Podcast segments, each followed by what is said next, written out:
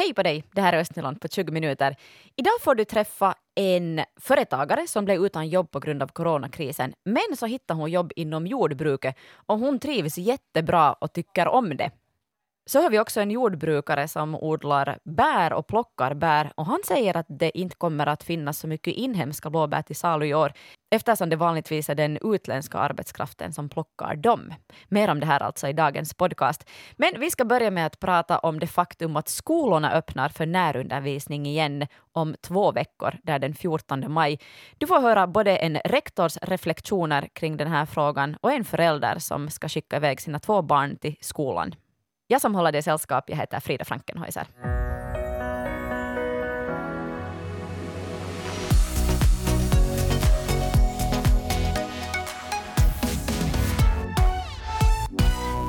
Grundskolorna öppnar för närundervisning den 14 maj. Det här har regeringen bestämt igår.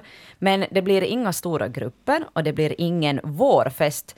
Du har Fredrika pratat med Kvarnbackens skolas rektor Anne Smolander. Hur förhåller hon sig till att skolan ska öppnas igen? Eh, Kvarnbackens skola finns ju alltså då i Borgå, för de som inte känner till det. Och eh, det är en av de stora skolorna här i, i, i Borgå. Och jag ställde då som sagt frågan att hur hon själv äh, tycker om det här beslutet, för att äh, det har funnits lite olika åsikter gen, äh, mellan lärare, där vissa tycker att det är en bra idé och, och andra tycker att det är en sämre idé. Men vi kan höra vad Anne hade att säga själv. Jag ser ju inte att det på det sättet inverkar på elevernas inlärning mera så mycket de här två veckorna. För den orsaken så tycker jag vi inte skulle behöva öppna skolorna. Och det innebär ju en massa nya arrangemang om vi ska få enligt de här direktiven som nu kom igår att vi inte kanske ändå vara kanske gruppvisa som vi är i stora grupper och så här. Så det här sociala som, som jag nu ser som den grejen som skulle ha varit bra med att komma till skolan så den, den kommer vi inte heller att kunna säkert fylla det behovet hos eleverna att kunna vara med sin vanliga klass under de här sista veckorna. Um, regeringen kom ju där igår med lite direktiv redan för hur skolorna ska göra när de nu väl öppnar den 14 maj. Och tanken är bland annat att grupperna ska vara så små som möjligt så att man kan hålla avstånd mellan eleverna och sen eh, ska lärare helst inte röra sig mellan grupper. Det vill säga helst ska man ha samma lärare med samma elever hela tiden. Eleverna borde inte heller liksom mingla mellan med varandra då och sen kanske ska man då helst äta med den egna gruppen och tanken var till exempel att skolorna skulle börja utnyttja sådana rum som de inte annars kanske utnyttjar. Och då frågar jag också Hannes Molander att hur realistiskt låter sådana här förslag i hennes öron? Det blir ju som sagt massor med, med nya arrangemang för att det här ska kunna gå att genomföra, men vi har ju den turen att vi har barackerna kvar på skolgården och hade planerat att vi flyttar in verksamheten till skolhuset som nu ändå står klart de här klassrummen för eleverna att tas i bruk. Så att vi har lite extra utrymmen, sådana som vi inte annars skulle ha. Men sen är det ju igen, vi har många gemensamma lärare och vi har också lärare som har undervisning i andra skolor, inte bara i Kvarnbacken. Att, att om vi ska undvika det här att byta vuxna utan vi ska vara samma grupp med, med samma vuxna så blir det ju en hel del arrangemang med både läseordningar och sånt. Att det där personalarrangemangen kommer säkert att kräva en hel del tid här under den här kommande veckan. No, Fredrika, vad sa Anne Smolander då om regeringens förslag att yngre skolelever skulle vara i skolan på förmiddagen och de äldre skulle vara i skolan på eftermiddagen? Hon konstaterar att om de ska följa timfördelningen, det vill säga att också de äldsta eleverna i femman och sexan har 27 lektioner i veckan i olika ämnen, så då tycker hon att det är ganska omöjligt. Men att om det då skulle bli möjligt att frångå den här vanliga timfördelningen och, och det som eleverna har rätt till, så kan det eventuellt gå. Men eh, det som nu Annes Molander såg som mest realistiskt är främst då att man skulle försöka dela upp grupperna och försöka använda sådana rum som man inte annars använder. Och då kan det till exempel bli frågan om att använda textilslöjdsalar och, och sånt här mm. också för vanlig undervisning eh, speciellt om det då är så att vuxna inte får byta grupp.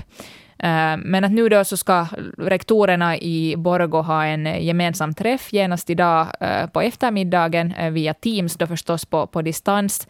Eh, och de har haft lite olika tankar i, i, i olika skolor här, men att det klarnar väl lite mera sen, sen i, i det skedet när man får mera tydliga direktiv från regeringen om hur långa avstånd det ska vara mellan eleverna och, och finns det några begränsningar för hur många elever det får vara per grupp och, och så här. Eh, vi kan ännu höra en kort snutt med Anne där hon berättar att hur, hur mycket de har hunnit fundera nu redan under de här senaste veckorna. väldigt mycket har vi inte funderat på det. Det lät ju långt för där att det kanske inte öppnar för alla grupper utan bara för kanske de lägsta årskurserna och de som avslutar skolgången. Och nu det här att det blev för alla så, så det leder ju nog till nya omställningar. Och vi har kanske nog tänkt att vi väntar och ser beslutet. Och det är ju tur att vi har nu ändå den här dryga veckan eller en och en halv vecka på oss att planera det här. För annars skulle det vara omöjligt om vi skulle få det här till att det skulle behöva börja redan på måndag så skulle det ju vara omöjligt. Det här var rektor i Kvarnbackens skola i Borgå, Anne Smolander. Hon har också ett önskemål åt alla föräldrar som lyssnar just nu. Mm.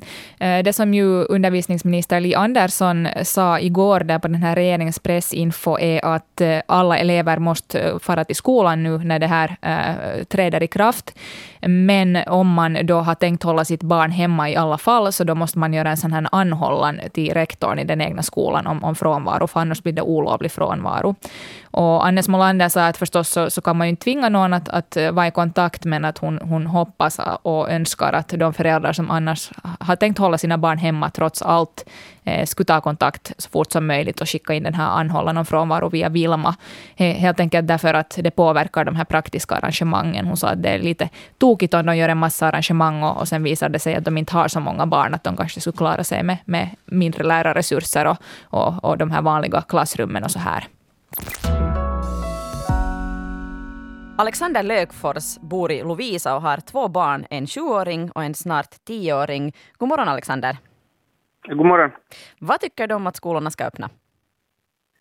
Uh, Nå, de här, nu det kanske, uh, man hann vänja sig med tanken att det skulle, det skulle öppnas för när det sipprar ut lite förhandsinformation, men att det där och förståeligt när man tänker på vissa, vissa undersökningsresultat, men sen på andra sidan så är man ju själv lite besviken nog för att om man själv tänker på sin, vad man gjort två sista veckorna i skolan så gjorde man ju absolut ingenting. Varför är du besviken? Det är samma som lär. No, det som, som jag nu själv tänker så här att, att med två veckor kvar och det där, två veckor skolgång kvar före sommarlovet så, så där är ju eller kanske skolan har ändrat så mycket då att man hinner lära sig då och gå igenom och gå och ta fast att, att jag vet inte att, att de här motiven som, som nu som här då är att, att sådana som har haft kanske sådana elever som har haft svårt i skolan så att de ska på något sätt då få kunna få, få special superhjälp under två veckor jämfört med de som har, har klarar sig. Att här, där är ju säkert, det är ju sådana som säkert har klarat sig bättre till och med på distans än, än, än i skolan när det inte har varit något sådana här, äh, sådana, vad heter det, bråkmakare eller sådana som, som drar uppmärksamhet och tid av, av lärarna åt sig, utan de har fått sköta sitt eget här bara hemma. No, hur har ni Alexander, hur har du och dina två barn och din fru klarat vardagen med distansundervisning hemma?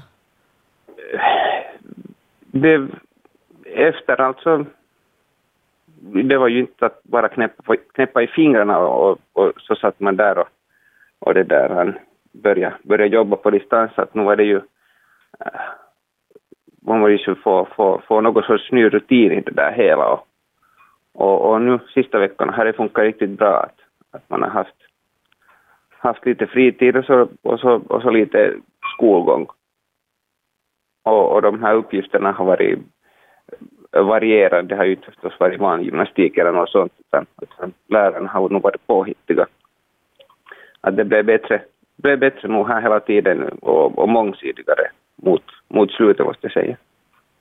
No, vad tycker dina barn om att de ska tillbaka helt fysiskt till skolan den 14 maj? No, de vet inte det ännu. Nej, nu, nu vet de. Igår kväll visste de inte. Okej, okay, ja. Jag hör, jag hör att de är där bredvid dig. Vad, har de liksom sagt något hur det känns? Uh, ett Är det okej okay att fara till skolan? Uh, de skakar på huvudet. Är det ett nej de, eller ett jo? Det, det är ett nej det. Ja, nej, nej, de, de tycker inte att det är okej. Okay. Just det. Varför, varför det då? Mm, jag vet, kanske att de har, alltså de har inte haft något större, större problem med det här, med det här att jobba på distans. No, Alexander Lökfors, det är ju två veckor kvar till den, till den 14 maj. Hur börjar förberedelserna nu för liksom den vanliga skolvardagen igen? Uh, vi får väl stiga upp en halvtimme tidigare igen. Så att man hinner, hinner till skolan. Vi har stigit upp en halvtimme senare här när det, när det var hetare nu. När vi, har, när vi inte har behövt det där, göra oss, eller åka iväg och vara precis prick någonstans, någonstans annanstans på plats.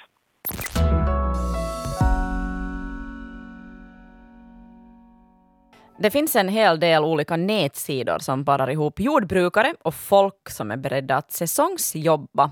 Nätsidorna har varit populära och uppskattade under coronaepidemin och hittills har uppemot 7000 personer letat efter jobb och över 90 gårdar begärt hjälp. Och det här är bara på en av de här nätsidorna.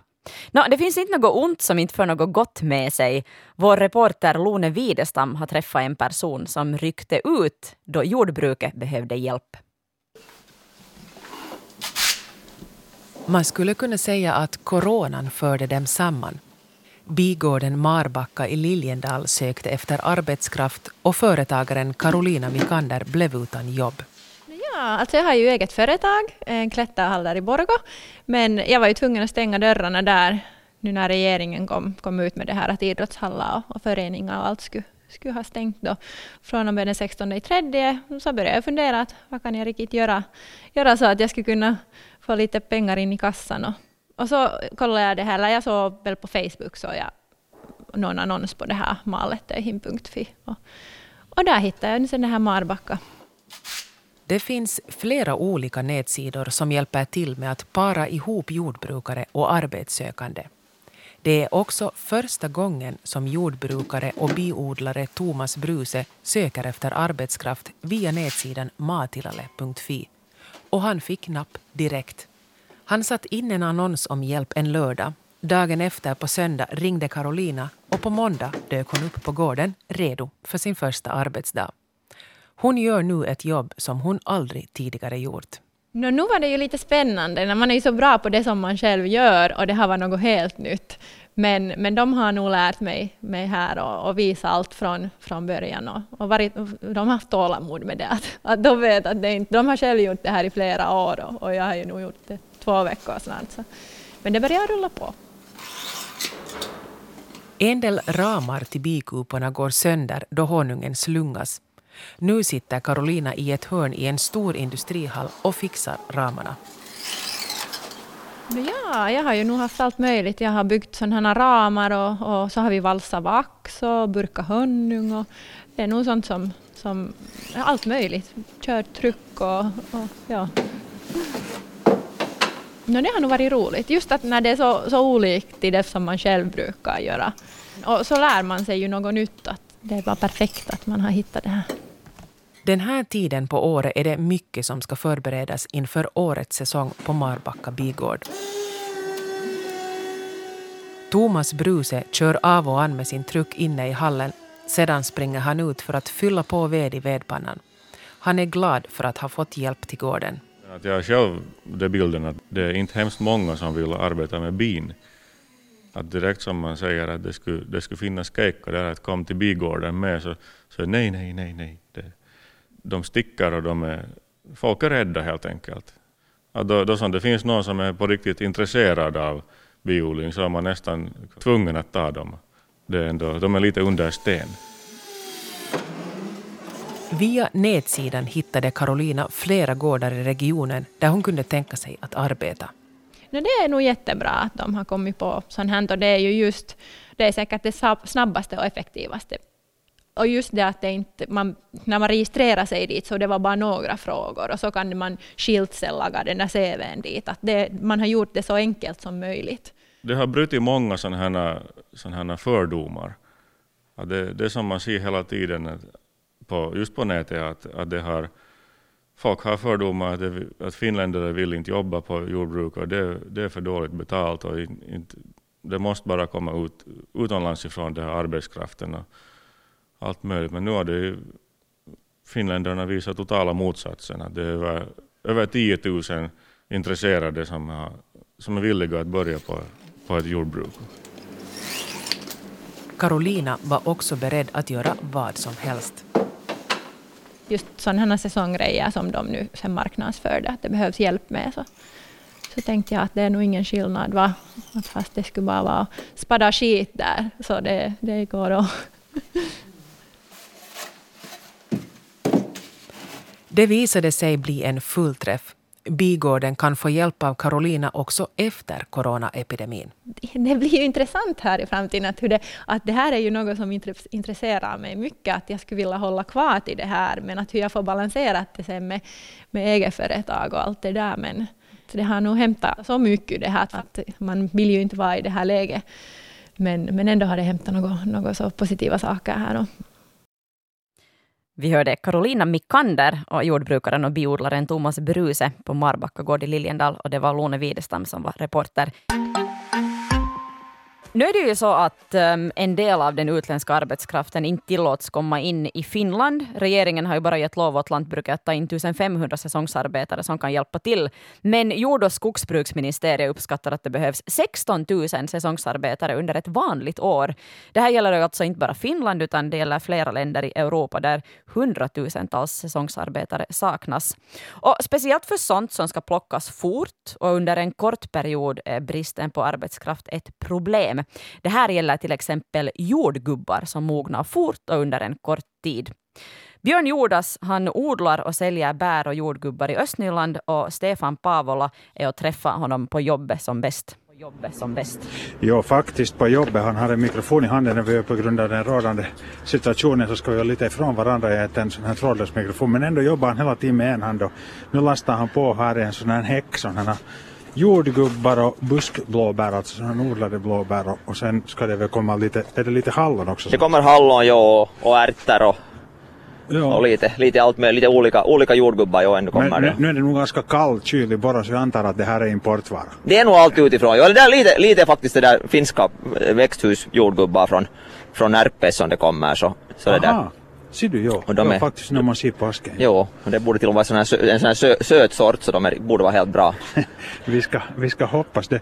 Det är ganska struligt nu med den här coronasituationen. Hur har du, du behöver ju mycket arbetskraft, säsongsarbetare. Hur är situationen för tillfället? No, men där vi har vi har liksom ganska små, små odlingar ändå så, så jag, jag, tror att vi borde klara oss ganska bra här. För vi har nästan här till så liksom klarat oss med, med lokal, lokala, liksom, lokal arbetskraft så, så vi har inte liksom sådana såna problem som de här större, mm. större odlingarna har. Ni odlar ju själv då mest jordgubbar men också lite ärtor. Jo, jo. Men det får ni fixa. Men hur går det med blåbären? No, det, är nog, det är nog ett problem med det här frågetecken. Det, det, har vi, det, liksom, det kan nog bli, bli dåligt i så fall att det inte kommer utifrån plockare. Så. Är, det, är det så att finnarna vill inte gå i skogen och plocka? Det är nog mycket dåligt att, att de som brukar hämta åt oss så det är nästan 90-95 procent som är, som är utlänningar. Att det är nog någon, någon enstaka finsk, finne liksom brukar hämta. No, den här situationen överlag eftersom du har verksamhet både i Estland och i Finland, har den, ställer den till mycket problem för dig? No, det där säkert, säkert, säkert kommer, jag hoppas att det kommer liksom till, till, till, till gå bra och att det liksom löser sig på något vis men men om det fortsätter som det, som det nu är för tillfället så då kan det säkert ställa till lite men, men vi hoppas nog att det ska liksom ännu hinna ändra sig här för det sången liksom börjar på riktigt så utrikesminister Haavisto har ju nog väl sagt att man som bäst förhandlar om man ska få öppnat snart den där gränsen till Estland men det är ju, det är ju helt öppet ännu. Jo, jo. Men det väntar du på ivrigt säkert? No, jo, inte vet jag på det viset. Ändå bara att jag inte varit över där nu på säkert tre, tre, tre fyra månader sedan jag var senast där så, så man, det skulle helt bra säkert gå och fara dit och titta lite och kolla läget hur, det, hur de klarar sig där. Där är väl, där är väl grodden på full gång? Jo, de har nog sådd där redan för, ett, för en, nästan en månad sedan, liksom, sådd de jo, första ärtorna. Så. När kommer första jordgubbarna därifrån? No, de brukar komma, komma till midsommar ungefär. Att, att, vad ska jag säga, veckan, veckan före midsommar. Är det någonting annat som har bekymrat dig i det här läget nu? No, inte på det viset att det är nu ändå att vi som håller på att lägga det första dagen idag nu som vi ska öppna de här försäl öppna försäljningsställena och li lite liksom då att hur, hur liksom kunderna kommer att ställa sig att hur, om det kommer att gå bär lika som förut mm. eller om, om, om folk är mer försiktiga. Det är det som man då kanske inte riktigt vet ännu. Att... Och så såg jag att ni installerar just en sån här akrylvägg där framför bären så att inte spottestritt. Ja, precis, jo, jo, det blir lite lika som fisk och köttdisken har att, att det blir en sån här skydd på då liksom så, så borde det vara lite, lite bättre för alla på det viset.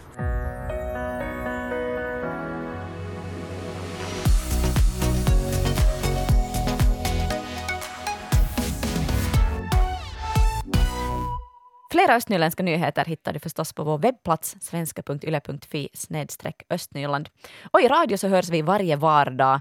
Vi börjar halv sju och vi håller på ända fram till klockan nio. Det är bara regionala och lokala nyheter.